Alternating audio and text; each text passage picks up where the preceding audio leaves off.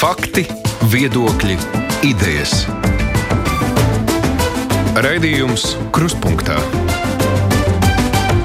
ar izpratni par būtisko. Esiet sveicināti Latvijas radio studijā Gusts Kikusts. Un šī tā reize krustpunktā, kad mēs iztaujājam kādu amatpersonu. Un tēmas, par ko mēs runāsim, jau pašas par sevi saka priekšā, kas ir mūsu šīs dienas viesis, ja viešņa precīzāk. Covid-19 ierobežojumi, veselības aprūpes finansējuma maiņa, mediķu atalgojums un arī citi jautājumi, kas ir veselības ministras Ilzas Viņķeles pārziņā. Labdien! Sveicināti! Prieks, ka esat uh, radusi iespēju būt pie mums. Nebija iepriekš plānots, ka būs valdības ārkārtas sēde, kas nu pat, nu pat arī teikt, ir beigusies. Un ļoti operatīvi es atgādināšu, ka mūsu sarunā iesaistīsies attālināti arī kolēģi. Latvijas radio žurnālists Kristaps Feldmanis. Sveiki! Sveiki! Arī neatkarīgās rīta avīzes žurnāliste Inga Papārde. Un arī jums, klausītāji, būs iespēja kādu jautājumu ministrei uzdot, eh, rakstot mūsu Latvijas Rādio 1 mājaslapā ziņu raidījumam Krustpunktā. Pāris jautājumi jau arī ir ienākuši, tā kā ceru, ka arī tiem laiku varēsim rast. Bet aktuālais jautājums bez šaubām tas, par ko šodien valdība lēma ārkārtas sēdē Covid-19 ierobežojumi, īpaši pēc pagājušās nedēļas. Jāatgādina klausītājiem, kāds varbūt arī nezina, ka bija vērojams zināms uzliesmojums.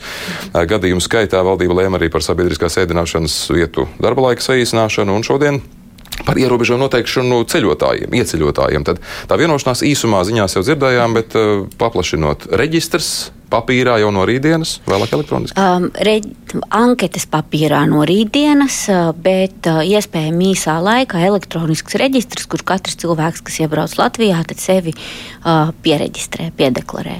Iebrauc vienalga kādiem ceļiem vai uz privāto transportu tas vienalga kādiem ceļiem, tas reģistrs attiektos elektroniskais uh, vienalga kādiem ceļiem. Tā ir uh, ne, Latvija nav vienīgā valsts, kur šādu lietu praktizē.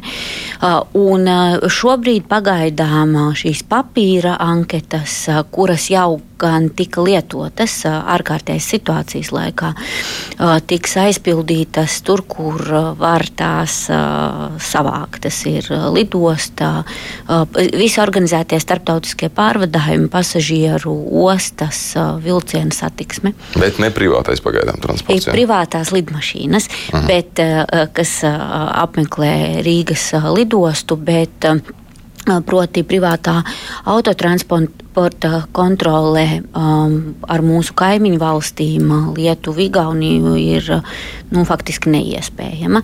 Bet uz ārējām robežām, proti Krievijā, Baltkrievijā, jā, tur arī uh, tiks uh, ievāktas anketas no tiem cilvēkiem, kas ieceļos Latvijā. Praktiski īsumā tās konsekvences kādas. Cilvēks ir pieregistrēts gadījumā, ja viņš pārkāpj sev piemērojamo nosacīto pašizolāciju, tad uzreiz ir teikt, links tiešais eh, tiesību sargājušām iestādēm. Tur ir uh, divi mērķi, ko ar šo uh, vēlamies sasniegt. Viens ir um, tāda informēšana un uh, informēta parakstīta, aplie, parakstīts apliecinājums, ka cilvēks uh, no tā sauktā sarkanā saraksta valstīm, kur šī saslimstība ir vairāk nekā 25, manuprāt, šobrīd uh, uz 100 tūkstošu iedzīvotājiem. 15 nebija. I- i 16 ir iebraukšana, Ā, iebraukšana. ā, bet tur nepiemēro Aha, aha. tā tās liekas, 20 vai 25 bija tā sarkanā saraksta valstis, kā cilvēks ievēros pašizolāciju 14 dienas. Savukārt par pārējiem, kuri ieceļo organizēti ne no šīm riska valstīm, tad informācija ir pieejama SPKC rīcībā gadījumā, ja šis cilvēks saslimst, tad ā, tā informācija ir izmantojama arī pēc tam kontaktu apzināšanā. Pirms es dodu vārdu kolēģiem, arī varbūt kādam papildinošam jautājumam, man tomēr interesē mm, tas, kas varbūt arī dažiem klausītājiem prātā, vai tāda veida reģistru jau aizvakar nevajadzēja, nevis rīt. Ā, Šis iezīmē jā, datu ievākšanas trūkumus Latvijā, ar ko mēs gan um, atkāpšos ne tikai, ne tikai Covid sas, sakarā sastapāmies, bet arī tad, kad ā, strādājām pie veselības aprūpas finansēšanas likuma. Tad bija jāatzīst, ka Latvijas valsts rīcībā nav datu par tās ā, rezidentiem, ā, proti nodokļu maksāšanas izpratnē, ka mums nav pilnas informācijas par to, kuri mūsu tautieši ir ārpus Latvijas, kuri tur strādā. Nu, piln, pilnīgas informācijas. Bet, nu, labi, šis tad ir, ā, šis tad būs impulss. ā, raitā tempā. Ceru, ka tikpat sekmīgi kā ar aplikāciju apturi Covid izveidot šādu mūsdienīgu personas datus respektējošu elektronisko reģistru. Inga, Kristap, varbūt kas piebilstams šeit, papildināms, vaicājums? Mm. Jā, es vēlējos tieši par šo jautājumu precizēt. Valdība vakar un arī šodien, manuprāt, skatīja jautājumu, liekas, iekšlietu ministrijas tajā piedāvājumā vai ārlietu ministrijas piedāvājumā bija par šo te vīzu izsniegšanu. Sakiet, vai valdība par to vienojās, vai tomēr izšķīrās par to, kā veidot šādu sarakstu un fiksēt šos visus cilvēku kontaktus, vai tomēr kādām iedzīvotāju grupām, ārvalstniekiem no kādām noteiktām valstīm nu, ierobežot viņu iebraukšanu Latvijā.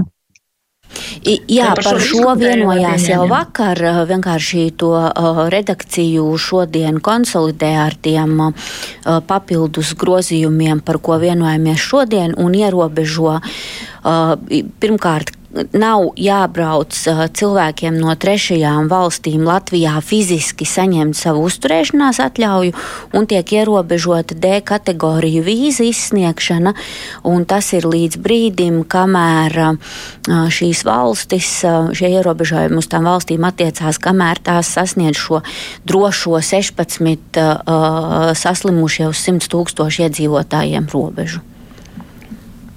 Sakiet, lūdzu, šī kontaktu fiksēšana attieksies uz jebkuru cilvēku, neatkarīgi no pilsonības, no vīzām un tā.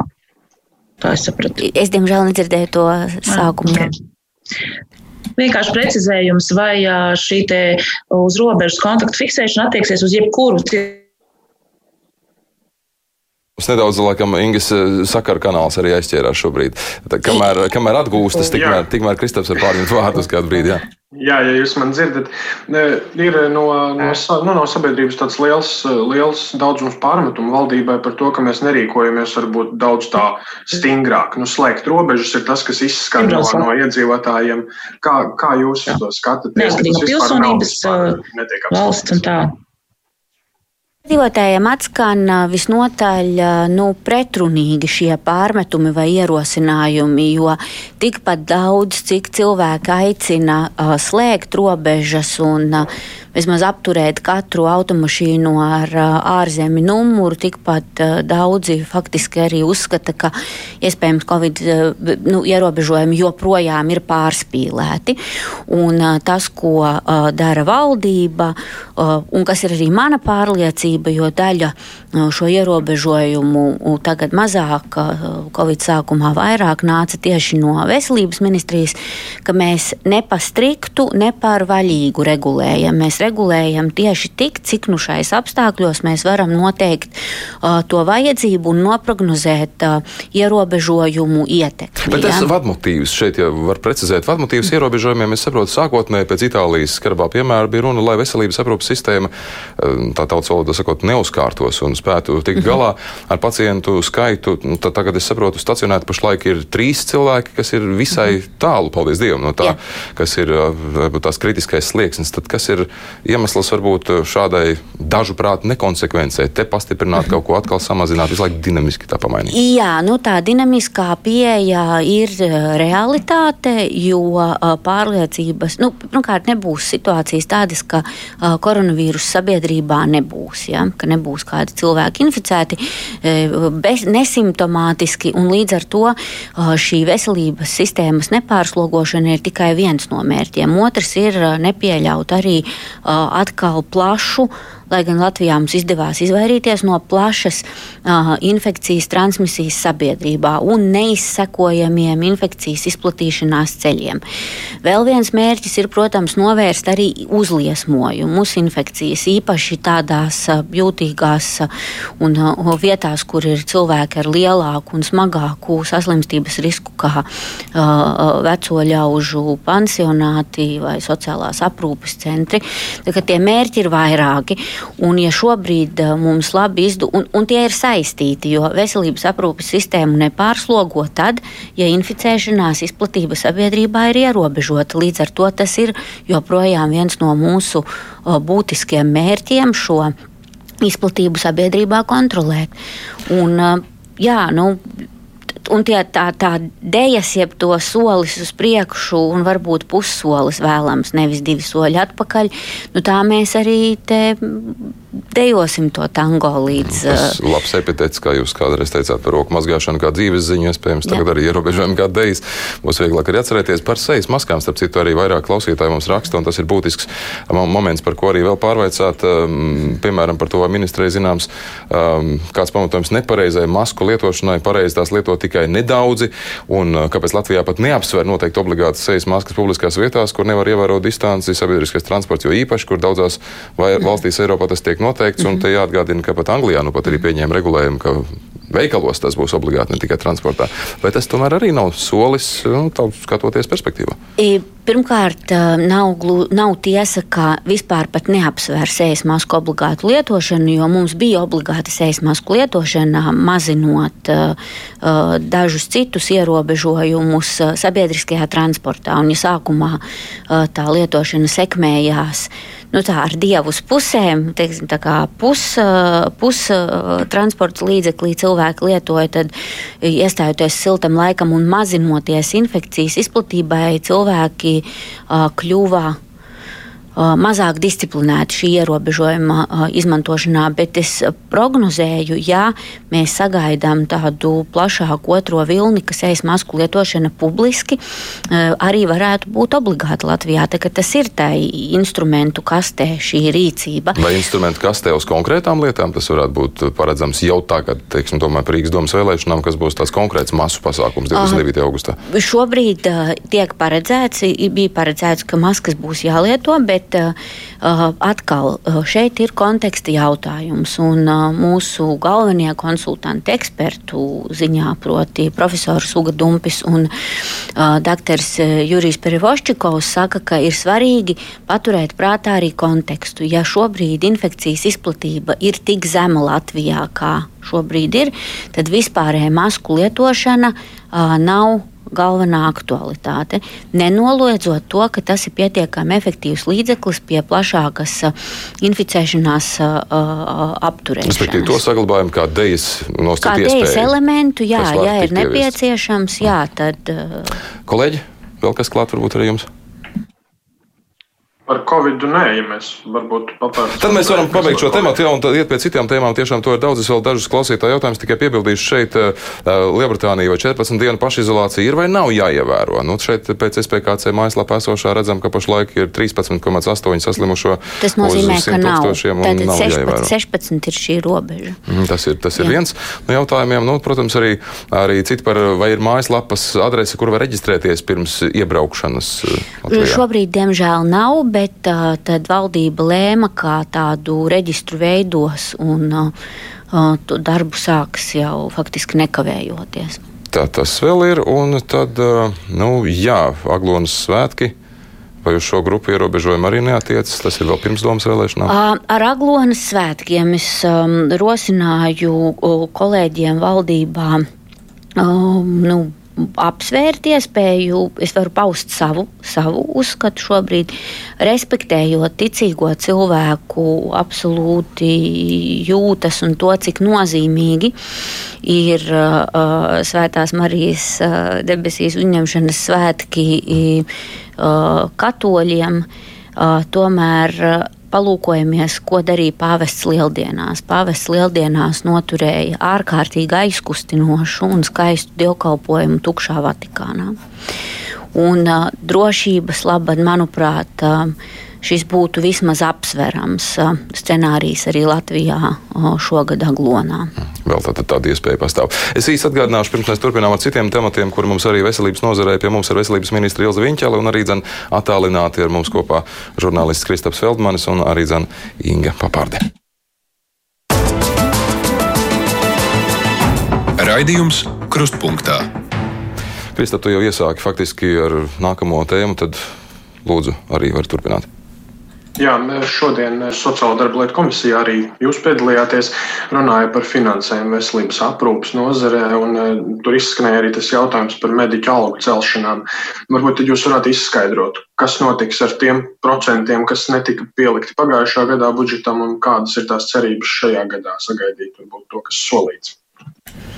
Um, teorētiski iespēja, ka valdība var uh, lemt vai nu caur apropriācijas pārdali vai budžeta grozījumiem, kas ir sarežģītāks ceļš, gan tad, uh, par to, ka šo uh, 10% tiesu uh, piešķir vēl šogad, tāda teorētiska iespēja pastāv.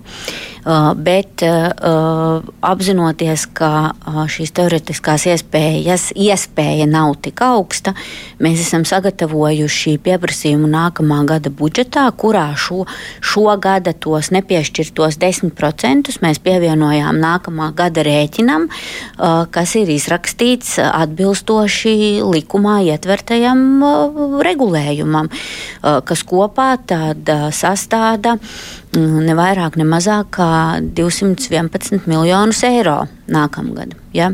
Bet, kas ietver gan šī gada 10%, gan 16 miljonus, kuri šogad ir atvēlēti jau un uh, tiek lietoti atalgojuma pieaugumam, bet nav iekļauti nākamā gada bāzē, un tad 20% vēl no uh, likumā ietvertā uh, regulējuma, kas attiektos uz nākamo gadu. Mums ir arī apakšscenārijs, ja nozare un valdība akceptē. Kā mēs varētu iet ar lēzenāku pieauguma tempu pie nosacījuma, ja tiek atbalstīts jaunais atalgojuma modelis, un tad tā nākamā gada pieauguma tiesa ir 80 miljoni eiro. Ja.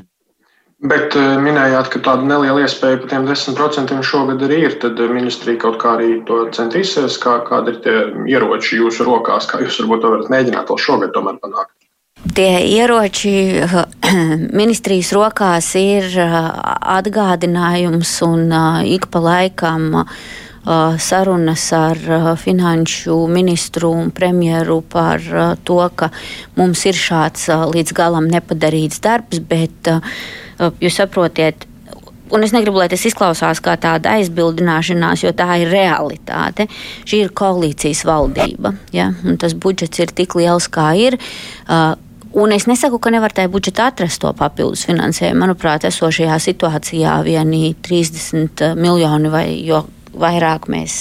Nu, To mēnesi pēc mēneša līdz gada beigām piedzīvojam, jo tas ir rēķins faktiskais šogad ir mazāks, bet es saprotu premjeru, tas ir ļoti sarežģīts lēmums. Bet viens, ka tas papildu ierocis nosacīt nevarētu būt arī satversmes tiesa, kurai gan pagaidām vēl jāizvērtē, vai pieņemt Jā, tiesības arī pieteikumu. Pieņemt, bet... protams, protams, tas ir ļoti nopietns, ļoti nopietns arī indikators. Vai pieņems pirmkārt šo prasību, un ja pieņems, tad kāds būs lēmums, un ja arī būs lēmums, ka tas ir jāizdara, tad kādos termiņos. Un... Vai veselības budžeta, starp citu, jaunā jaunā nodokļa, nosacīt jaunā nodokļa pārdalīšanas nodokļa iecerē, varētu būt eh, tāds fundamentu stabilāku nozarei veidojošs pamats, eh, ja šie 5%, kā finanšu ministrs arī bija stāstījis, un jūs šeit arī um, tiktu pārdalīti no citiem nodokļiem, tad tā būtu tā un tā stabilā perspektīva atalgojumam nu, arī? Jā, un nē, šeit jāsaka, ka nu, teorētiski jā, tad vienu tiesu iezīmē un nemaz netik mazu, jā, uh, nu, jau garantēti,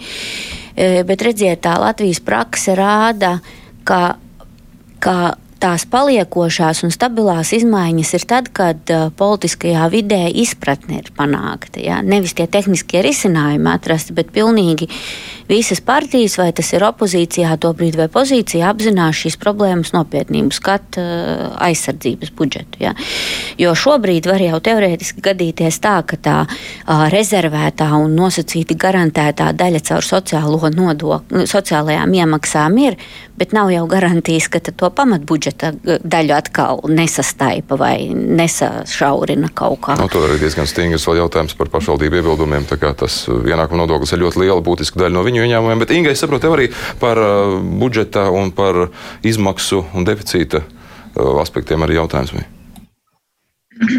Uh, jā, vispirms par šīm mediķu algām. Es arī klausījos šodien Saimnes sociālo un darba lietu komisijas sēdi.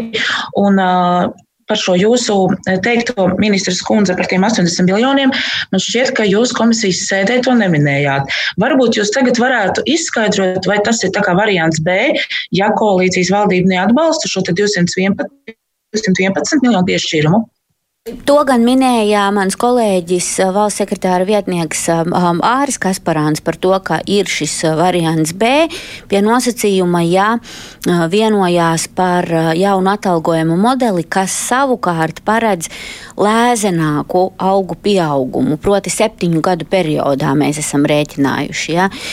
Bet tur, kā jau es minēju, tas primārais scenārijs ir, ar ko mēs ejam, ir balstīts esošajā normatīvā normatīvajā regulējumā, esošajā atalgojuma sistēmā, jo, jo eh, tā vienošanās, ja tāda izdotos ar nozari pirmām kārtām par jaunu atalgojumu modeli, nozīmētu, ka uh, mēs sākam uh, nu, uh, sarunas. Uh, kurās nozarē būtu jāuzticās valdības pusē. Ja? Jo mēs ejam ar plānu jau vairs septiņu gadu garumā, nevis uh, trīs, kā bija piemēram paredzēts šai finansējuma likumā. Vai šī reforma varētu stāties, taču nav domāts nākamajā gadā? Šī, kā jūs teicāt, septiņu gadu periodā. Nekādā gadījumā, jo tās izmaiņas, ko piedāvātu jaunais atalgojuma modelis, ir nu, tā veikt tādu izlīdzināšanu, bet nevienādošanu. Ja? Tas nav tā, ka gan tas ārsts, kurš strādā vai māsa ļoti intensīvi un profesionāli saņemtu tikpat, cik viņa kolēģis, kurš varbūt ir mazāk čakls. Ja? Tā nav vienādošana, bet tas prasa tik lielas izmaiņas, kā konceptuālas, kā man nešķiet iespējams to tā uz sitienu, kā saka, ja, ieviest, jo ir jāpilotē šie modeļi. Un liels paldies Stradiņas slimnīcai, kas ir gatava to darīt, jo šeit ārkārtīgi uzmanīgi, lai mēs nu, labu vēlot nesalaužam to sistēmu, kas varbūt nav ideāla, bet tomēr turās kopā. Ja. Mhm. Eh, jo kāpēc es to jautāju? Jo, ja pastāv tāda, tāds variants, kā B variants, kuram ir nepieciešams mazāk līdzekļu, ja gada griezumā, tad vai nav bažas, ka nu, valdība izmantos koalīciju, vienosies, nu tad varbūt labāk ejam to 80 miljonu eiro ceļu. Bet tā kā jūs atbildējāt, ka tas nav iespējams no nākamā gada, tad. Uh, Tad Bet tas nav tas... iespējams no nākamā gada ieviest uh, visā Latvijā jaunu atalgojumu sistēmu, bet ir iespējams vienoties, ka mēs sākam šo transformāciju, ja, nozare ir gatava uz lēzenāku bet nu, šai gadījumā būtu pretī jābūt garantētu ja, šo pieaugumu septiņu gadu garumā ar noteiktiem soļiem, kā mēs mainām atalgojumu sistēmu. Par skaitļiem runājot, vēl piebildīšu arī šeit Irina Januma, onkoloģijas pacientu biedrības vadītāja, mums ir uzrakstījusi, ka ar lielu pateicību onkoloģijas pacienti saņem ziņu par 26 miljonu eiro piešķiršanu onkoloģijas centram. Lielas paldies! Lūdzu, aplieciniet, ka šī centra operācijas zāle būs remontēta, operācijas zālēs būs jauns aprīkojums, un vai tiešām 21. gada budžetā tieši tā arī būs ierakstīts, ka 26 6 miljoni būs izmantoti mērķtiecīgi tieši onkoloģijas centram? Neko no šī nevar apliecināt, tādēļ, ka jautājums nav par nākamā gada budžetu. Tas ir atsevišķs piešķīrums, nu, atsevišķa finansējuma veidolā, kurš ir jāizlieto līdz 22. gadam. Mēs ceram, ka nu, tur būs acīm redzot jārunā ar Finanšu ministriju, ka šos renovācijas darbus mēs nevaram nu, iespēt līdz 22. gadam izdarīt, bet lai to naudu nenoņem nost un par tādām detaļām šis ir tāds maigs eh, un emocionāls spiediens eh, piespiest pateikt, ka onkoloģijas centra operāciju zāles paliks tur, kur tās ir. Bet uh, tomēr, manuprāt, operāciju zāles atrašanās vieta kādā mājā nav primārais jautājums. Jautājums ir par operāciju kvalitāti. Ja? Un, ja tā ir jāatrodas blakus mājā un pacientiem ir lieliski apstākļi, tostarp arī ārstiem operējot, tad šis ir diskusija jautājums. Bet jā, finansējums ir iezīmēts uh, onkoloģijas centra renovācijai. Mm. Onkoloģijas pacienti ir viena ļoti tātad, jutīga un, un, un aizsargājama pacientu kategorija, bet ir arī vēl dažas citas, par ko sabiedriskie mēdī ir stāstījuši arī vairākās akcijās tajā skaitā, un Kristap droši vien šeit tur turpināt. Jā, es gribēju jautāt par mūžīgo bērnu sēriju, kur mēs pievērsāmies bērniem ar smagiem funkcionāliem traucējumiem. Pieļauju, ka arī jūs esat vairāk vai mazāk pasakojis līdz šim, šai sērijai. Bieži vien Latvijas ministrijā runājot, ne tikai Latvijas ministrijā, bet vispār ar iestādēm dažādām runājot, tiek stāstīts, nu, ka ne tikai mēs, ne tikai mēs, arī veselības ministrijā ļoti daudz tās atbildības jomas Kā jūs redzat, varbūt kā jūsu pārstāvētā ministrija var palīdzēt šajā jomā, kas ir tās jūsu atbildības sfēras un ko mēs varētu varbūt sagaidīt, lai uzlabotu dzīvi šīm ģimenēm? Ja. Pirmkārt, es vēlos pateikt lielu paldies arī jums personiski uh, par šo raidījumu sēriju un vispār teikt, ka jūs abi, kas esat uh, šodien pretī iztaujot, manuprāt, esat vieni no zināšākajiem mediju pārstāvjiem tieši veselības jomā. Tas ir uh, bez jums nebūtu. Bez jums būtu grūti, jums jābūt āķīgākiem, manuprāt, un asākiem pat reizēm. Bet eh, runājot par mūžīgo bērnu tēmu, nu viena lieta, piemēram, autiskā spektra traucējumu bērniem netiek uh, nodrošināta pilnvērtīga diagnostika, kas ir veselības ministrijas lauks. Ja? Nu, absolūti viennozīmīgi.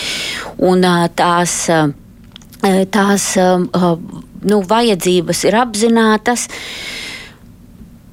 Nu, šis ir tas grūtais jautājums, tāpat kā par uh, inovatīvajiem medikamentiem, ja par ātrumu, kādā uh, var uh, rast. Na, jo par daļu no lietām šeit ir skaidrs naudas jautājums, jābūt lielākam finansējumam.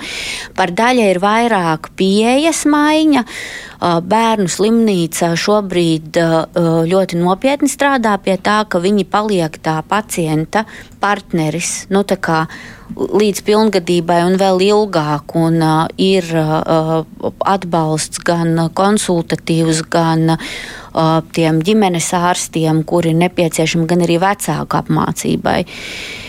Bet es ļoti labi saprotu, ka viss, ko es stāstu konkrētajām ģimenēm, var izklausīties kā kārtējie vārdu savirknējumi, kas, um, diemžēl, konkrētas izmaiņas uz rītdienu nepiedāvā. Par šo ir grūti.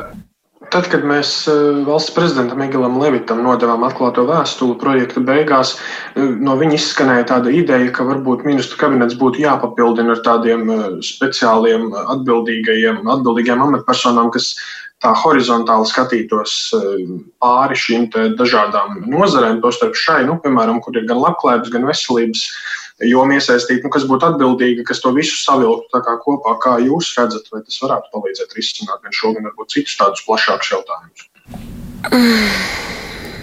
Nu, mums ir pārisoru koordinācijas centrs, kurš tieši ar šādu misiju ir veidots. Un, ja mēs runājam par kopā savilkšanu, konkrēti par šīm divām ministrijām, tad es teiktu, ka jēdzīgāks būtu nevis ieviest vienu kopā savilcēju, bet salikt tās ministrijas kopā zem viena jumta, kā tas jau ir bijis. Jo nākotnes aina iezīmējās, ka šī uh, savā veidā mākslīgi novilktā robeža būs arvien uh, vairāk sapludināta. Ja? Jo, jo tas uh, nošķīrums arī mūžīgo bērnu gadījumā, kur ir sociālie pakalpojumi, kur ir veselības reizēm vispār nav vairs atdalāms. Ja? Es uz to savilkšanu drīzāk skatītos, liekot kopā institūcijas. Šeit arī viens klausītāja jautājums piebildīšu līdzīgs otrās grupas invalīds jums raksta ļoti smagiem kustību pārvietošanās ierobežojumiem. Jautājums Silzai Viņķelē, kad beidzot tiks izbeigta cilvēku cieņu pazemojošā parakstu un zīmogu vākšana asistenta pakalpojumu sniedzēja tabelēs, atskaitēs un pakalpojumi tiks apmaksāti vienkārši pēc piešķirto stundu skaita. Tas taču bija viens no jūsu priekšvēlēšanu solījumiem. Es pieļauju, ka tur ir kā, drusku atkal šeit tā saplūšanas ministrijas, jo jā. nu, asistentu pakalpojumi ir labklājības mm. ministrijas mm. kompetence.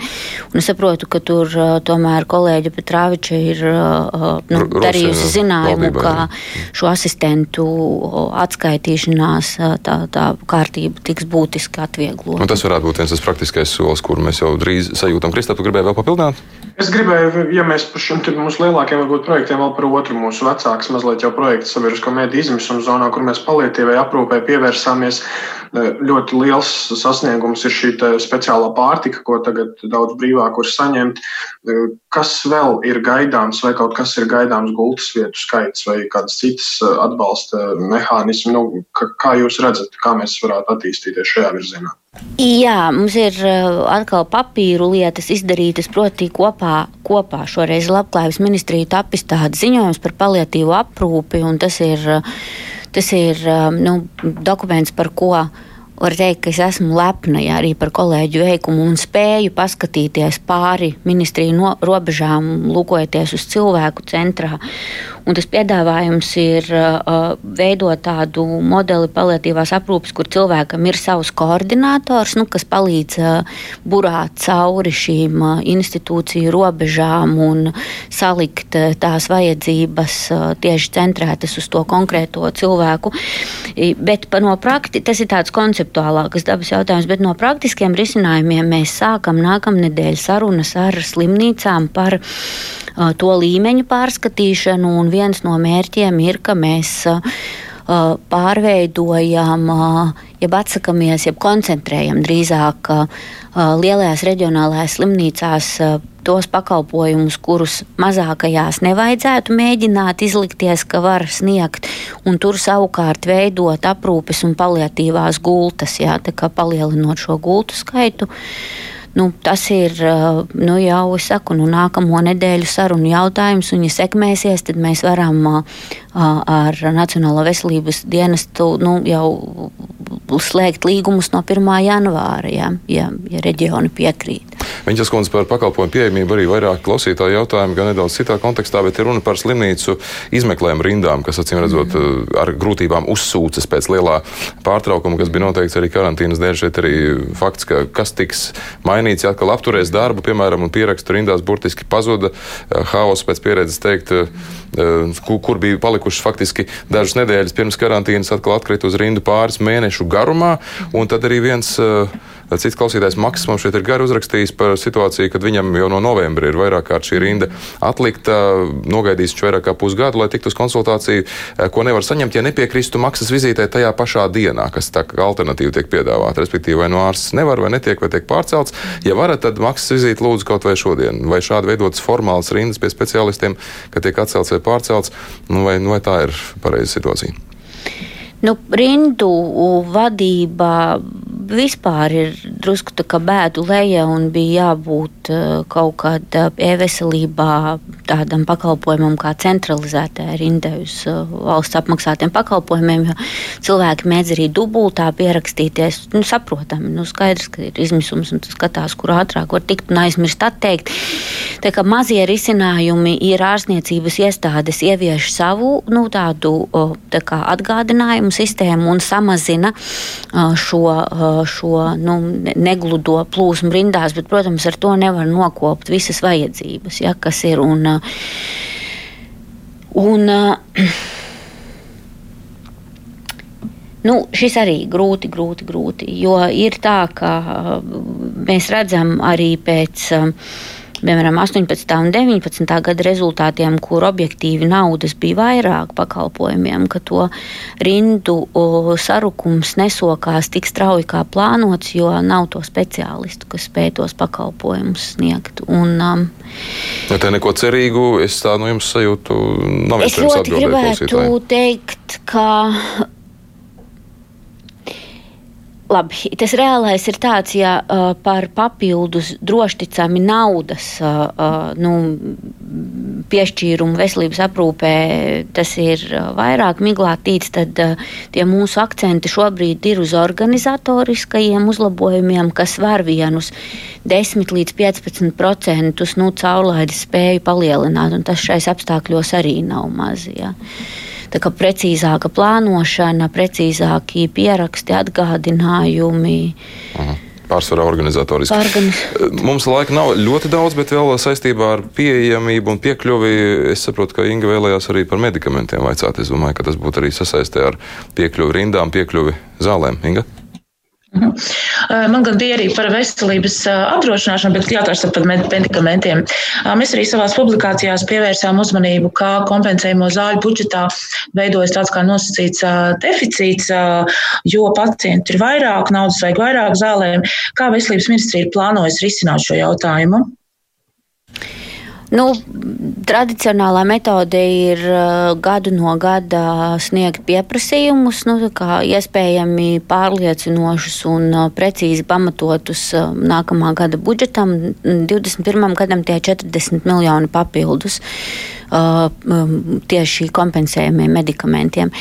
Mēs joprojām gaidām to efektu, ko dos um, aktīvās vielas obligāti lietošana, ja, jo mēs redzam, ka vairāk kā 200 medikamentiem cenas ir samazinātas, un tas ļauj cerēt uz kādu ietaupījumu kompensējumu zāļu budžetā un uz līdzmaksājumu samazinājumu pacientiem, bet, protams, tas nebūs desmitiem miljonu. Ja? Nu, mēs varbūt pa pāris miljoniem gadā varam runāt. Bet manas pašas pārliecība ja tais budžeta sarunās atkal būs tā, ka visa mūsu 400 miljonu vēlmju liste liks izvēlēties uz divām pozīcijām, tad medikamenti ir viena no tām, kur ieliekot papildus finansējumu, mēs to atdevi redzam momentā. Ja? Tā, kā, nu, tā būs ļoti augsta prioritāte. Jā, vēl saprotu, laika nav daudz, laikam, bet gribēju saprast, kas šobrīd notiek ar Nacionālo veselības dienestu. Edgars Lapsvīrs to ir atstājis. Šobrīd, cik saprotu, Milševičs kundze ir pienākuma izpildītāja. Ko mēs, kā tālāk tur notiks? Būs kāds konkurss vai kā tas būs? Apelēja ir Valsts tā nezvēl. iestāde, kas atlasa, nu, kas sludinās konkursu, un, un tad um, visi, kas jūtās uh, ieinteresēti un spējīgi, lūdzu piesakaties konkursā. Vēl par iestādēm runājot, vai varat kliedēt baumas par pirmās slimnīcas likvidāciju sabiedrība runā? Nu, tur ir Rīgas domē jāvaicā, tā ir Rīgas domas um, īpašuma. Un par rindām arī vēl piebildi, ka pie viena un tā paša doktora par maksu var tikt uzreiz pierakstā, viņš skaitās aizņemts, vai drīzāk nebūtu jālikvidē šāda ārstu speciālistu prakse, jo speciālisti kā tādi ir. Par papildus samaksu tikai no paša pacienta maka. Nu, tas ir viens no efektiem, uz ko mēs ceram ar to jaunu atalgojumu modeli. Ja, ka uh, nosakot to pilna laika darba uh, ekvivalentu, tad uh, speciālistiem samazināsies iespējas pretī, protams, saņemot adekvātu atalgojumu, strādāt daudzajās darba vietās, lai nopelnītu vēlamo un, un tādējādi arī drumstalot to cilvēku resursu. Par jaunu atalgojumu un par jaunu modeli arī slimnīcām iespējams vai ko citu? Inga, varbūt kas vēl bilstams? Es pajautāšu tomēr par šo veselības apdrošināšanu. Pašlaik ir ārkārtīgi daudz dažādu sabiedrību izsaka dažādus, vaicā dažādus jautājumus, kas īsti notiks no nākamā gada 1. septembra. Neatkarīgi no tā, vai tas būs veselības nodoklis vai, vai kāds citādāk pārdalīs tieši līdzekļus, bet kas attiecībā uz cilvēkiem, vai ir zināms skaidrs plāns? Nu, šis finanšu ministra piedāvājums ir gaisā, un saprotu, ka to kaut kad augustā valdībā būs jāskata, bet par cik lielākas skaidrības nav, tas patiešām jāvaicā premjeram un finanšu ministram, kā viņi ar kādu soli darīsies. Tad veselības ministrija dara to, kas ir mūsu, mūsu atbildībā. Proti, mēs esam izstrādājuši grozījumus veselības finansēšanas likumā, kur mēs šo Uh, iezīmēto sociālās iemaksas uh, maksājumu piedāvājam attiecināt uz visiem nodarbinātības režīmiem.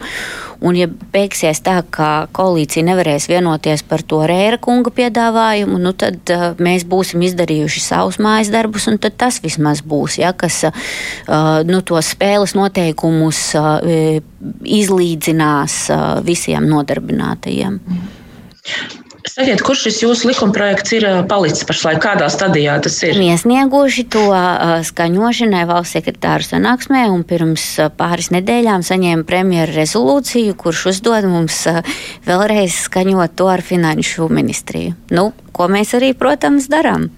Un vēl viens pārresorisks, ja tā var teikt, jautājums no klausītāja puses. Kāds slimnīcas kapitāla sabiedrības, kurās veselības ministrija ir valsts kapitāla daļa turētāja, sāks maksāt sociālos nodokļus par tā, par tā saucamo maksas rezidentu nodarbināšanu? Šeit arī klausītāji jau atgādina, ka, kā zināms, mm. ilgstoši nesakārtotas sistēmas dēļ veidojas situācija, ka tie, kas, tie, kuru studijas apmaksā valsts budžets par darbu, saņem tā saucamās rezidenta algas, bet tie, kas studē par maksu algu, nesaņem. Nu, un, protams, zinām, kādas ir sekas ilgstošu mm. periodu nodarbināšanas cilvēki bez sociālām iemaksām. Kad tas mainīsies? Cik mums ir tajā atbildē laika? Man ir aizdoms, ka šis ir jautājums, kas uh, faktiski tā, tā pamata izšķiršanās ir vai vispār uh, praktizē maksas rezidentu vietas. Ja, vai vispār ir iespējams studēt uh, medicīnu pa maksu. Nu, tas ir konceptuāli izšķiršanās. Jūs man vaicājat man viedokli, un man šķiet, ka tās ir tik dārgas programmas ar tik pēc tam regulētu to nodarbināto skaitu, ka es, pat, es, es uzskatītu, ka nav jā, jāļauj augstsko, jeb augstskolām nav jā, jāņem studenti pa maksu ne pamatprogrammā, ne pēc tam maksas rezidentūrā. Jā, šis arī ir jau konceptuāls mm. un politisks jautājums. Man jāsaka, jāsaka, šodien ir paldies gan jums, ka atnācāt. Kā jau minēju, ļoti operatīvi pēc valdības sēdes. Sākām šo sarunu ar jautājumu par jauniem Covid-19 izplatības ierobežojumiem ar rītdienu, tad, tad iebraucēju ieceļotāju reģistrāciju pēc anketu principu. Un paldies arī kolēģiem, kas palīdzēja ministru izvaicāt Kristaps Feldmers no Latvijas radio un Inga Papārdi no neatkarīgās rīta avīzes. Paldies! Un šobrīd jau laiks arī pienācis brīvajam mikrofonam.